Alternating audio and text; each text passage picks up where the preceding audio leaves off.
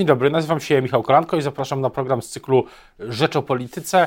Trwa e, dyskusja wokół odblokowania dla polskich środków unijnych z Krajowego Planu e, Odbudowy. Przede wszystkim opozycja ma dzisiaj swój e, własny nowy pomysł i o tym będę rozmawiał dzisiaj z moim Państwa gościem.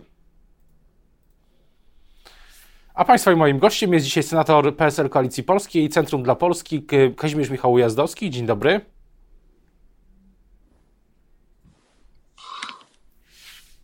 Słyszymy się, panie senatorze?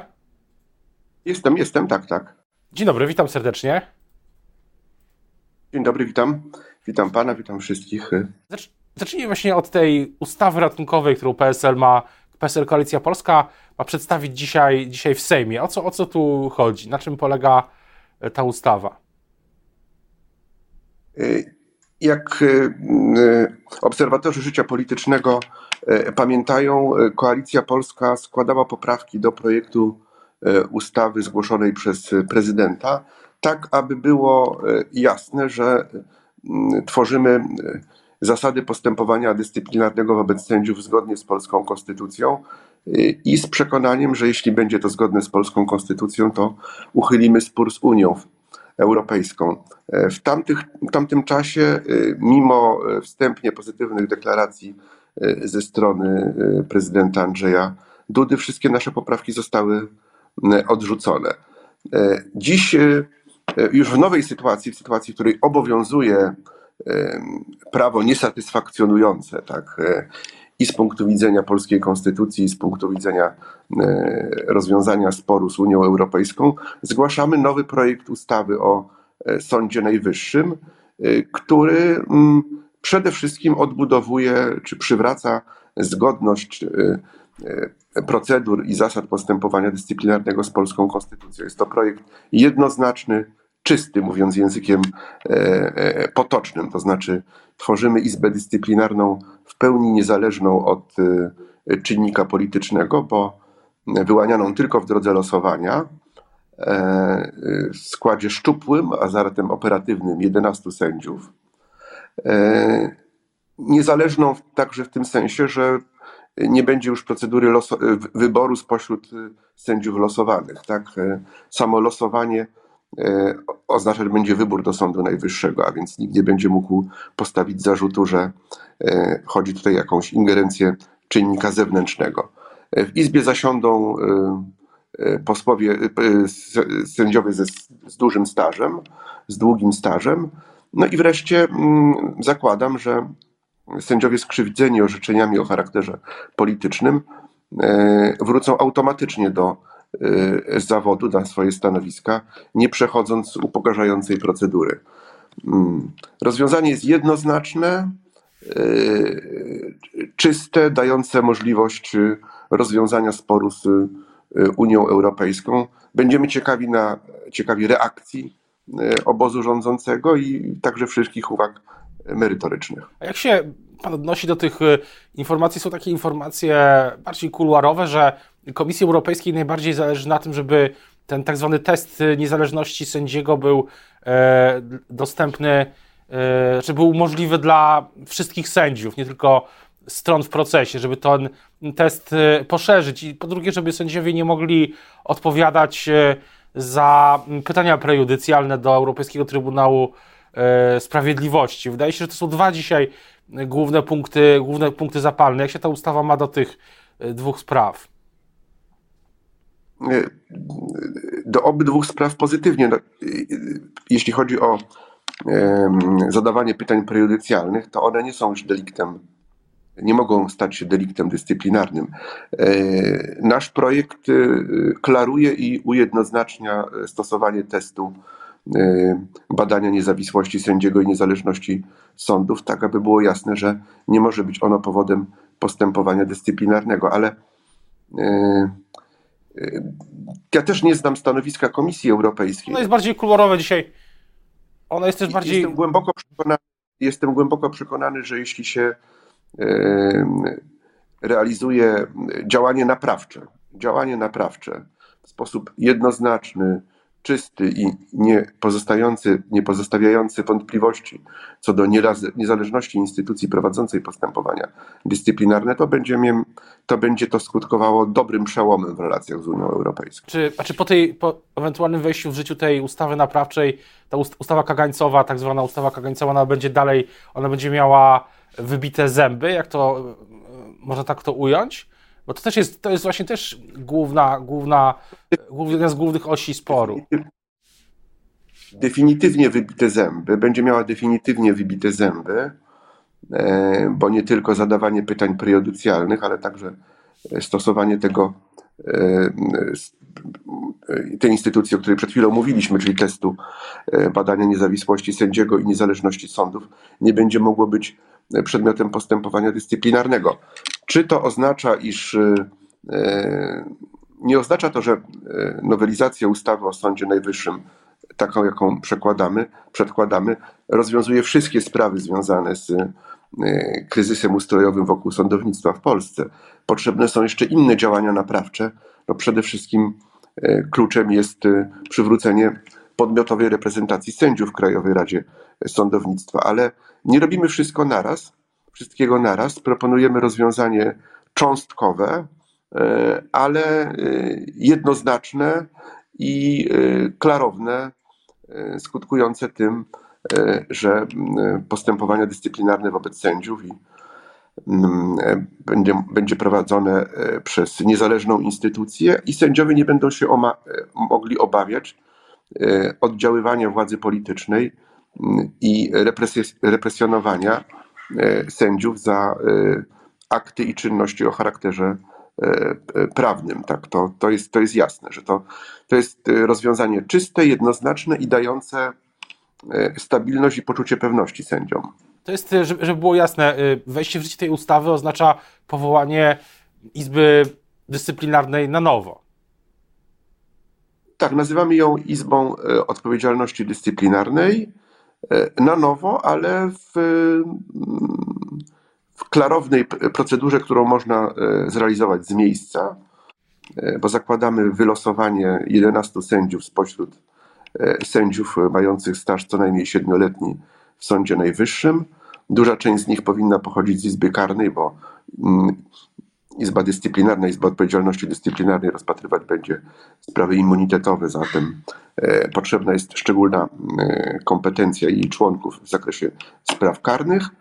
E, może się z miejsca ukonstytuować. Jeśli będzie dobra wola, ta ustawa może szybko wejść w życie i szybko działać. Mm, ja nie pochwalam stanowienia prawa w ciągu dwóch dni i też nie, nie chciałbym, aby ta ustawa była, była, była uchwalana w ciągu kilku godzin czy dwóch dni, ale naprawdę e, niewiele czasu potrzeba, aby, e, jeśli jest dobra wola, żeby mm, ta ustawa weszła w życie i zaczęła działać. To mam bardzo pan... proste i jednoznaczne rozwiązania.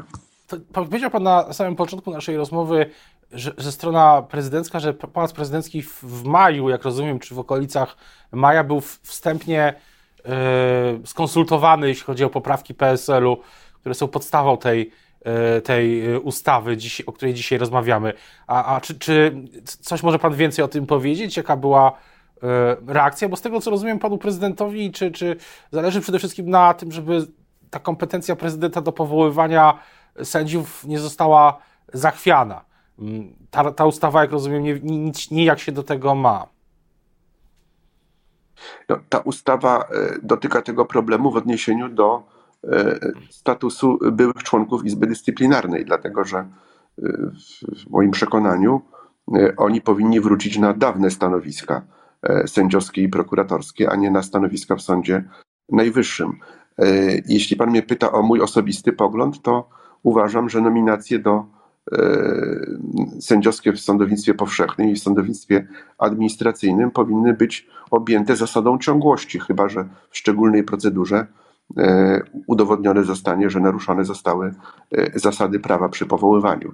Natomiast Sąd Najwyższy i jego Izba Dyscyplinarna to są miejsca szczególnego znaczenia ja nie widzę powodu, dla którego sędziowie zasiadający w Izbie Dyscyplinarnej, nie mającej przymiotu sądów, sądu, E, cieszyli się przywilejami sędziów Sądu e, Najwyższego. W tym punkcie jest rzeczywiście różnica co do przyszłości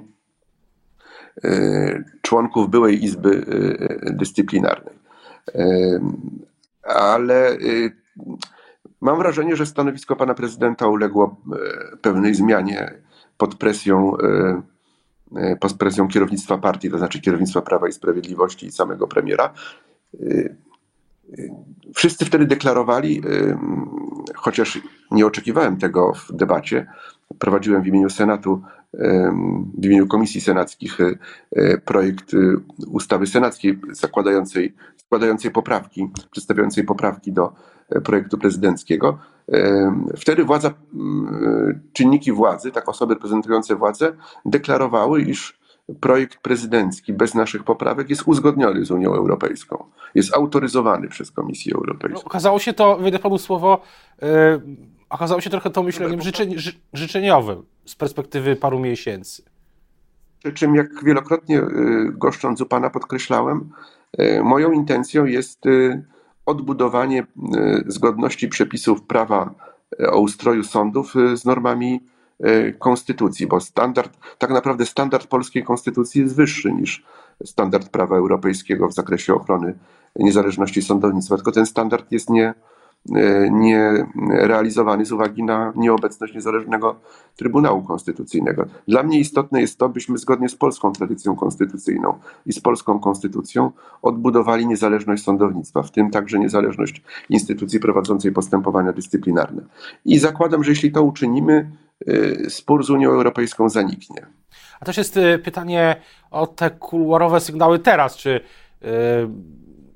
spodziewa się Pan e, e, dzisiaj, w najbliższych dniach, albo może już Pan odebrał jakieś sygnały e, w ostatnich dniach, jeśli chodzi o to, co, co dalej z tym sporem? Bo ja pisałem w Rzeczpospolitej w poniedziałek, że PiS, PiS rozważa własną nowelizację, jak rozumiem, ustawy do prezydenta.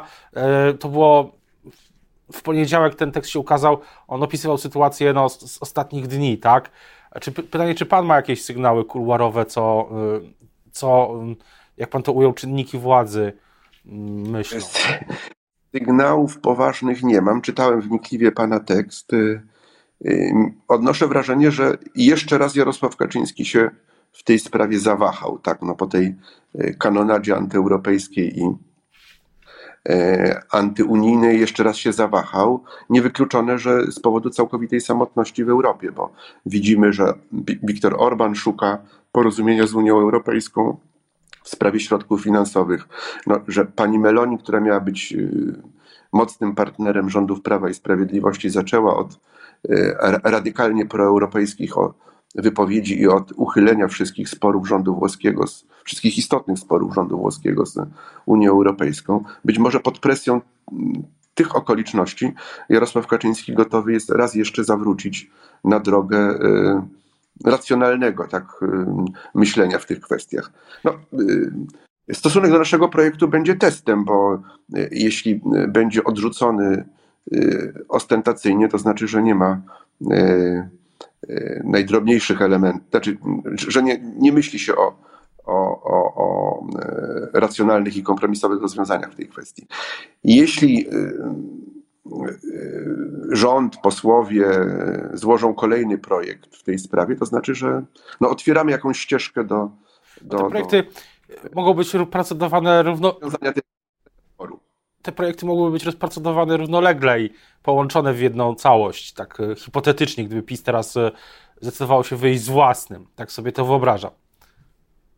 No jasne, no one musiałyby trafić do komisji. Komisja musiałaby uznać któryś za projekt